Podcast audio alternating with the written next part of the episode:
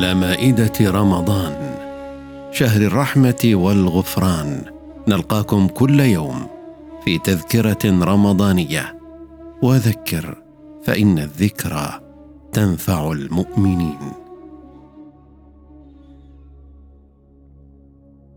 عن أبي ذر رضي الله عنه قال قال رسول الله صلى الله عليه وسلم تبسمك في وجه أخيك لك صدقة. وأمرك بالمعروف ونهيك عن المنكر صدقة. وإرشادك الرجل في أرض الضلال لك صدقة. وبصرك للرجل الرديء البصر لك صدقة. وإماطتك الحجر والشوكة والعظم عن الطريق لك صدقة. وإفراغك من دلوك في دلو أخيك لك صدقة. وعن أبي ذر رضي الله عنه قال قال لي النبي صلى الله عليه وسلم لا تحقرن من المعروف شيئا ولو أن تلقى أخاك بوجه طلق. قال معاذ بن جبل رضي الله عنه إن المسلمين إذا التقيا فضحك كل واحد منهما في وجه صاحبه ثم أخذ بيده تحاتتت ذنوبهما كتحات ورق الشجر. قال بعض العارفين التبسم والبشر من آثار أنوار القلب. وجوه يومئذ مسفرة ضاحكة مستبشرة. وقال ابن عيينة والبشاشة مصيدة المودة والبر شيء هين وجه طليق وكلام لين. وعن عبد الله بن المبارك قال حسن الخلق طلاقة الوجه وبذل المعروف وكف الأذى.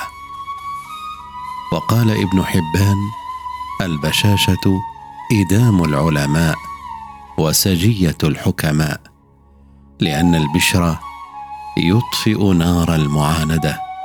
ويحرق هيجان المباغضة. وفيه تحصين من الباغي ومنجاة من الساعي.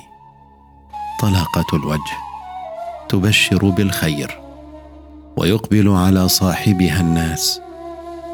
والوجه العبوس سبب لنفرة الناس.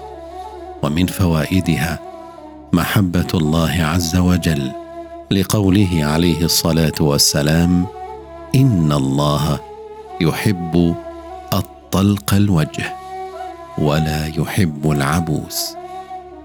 طلاقة الوجه والبشر للناس عبادة من أجمل العبادات.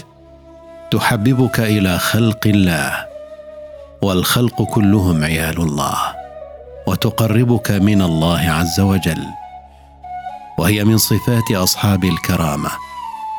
كما أنها من سجايا المتقين. إن أكرمكم عند الله أتقاكم.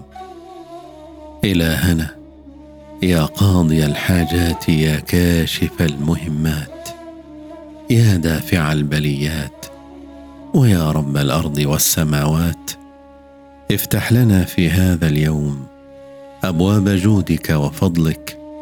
وأنزل علينا فيه من بركاتك.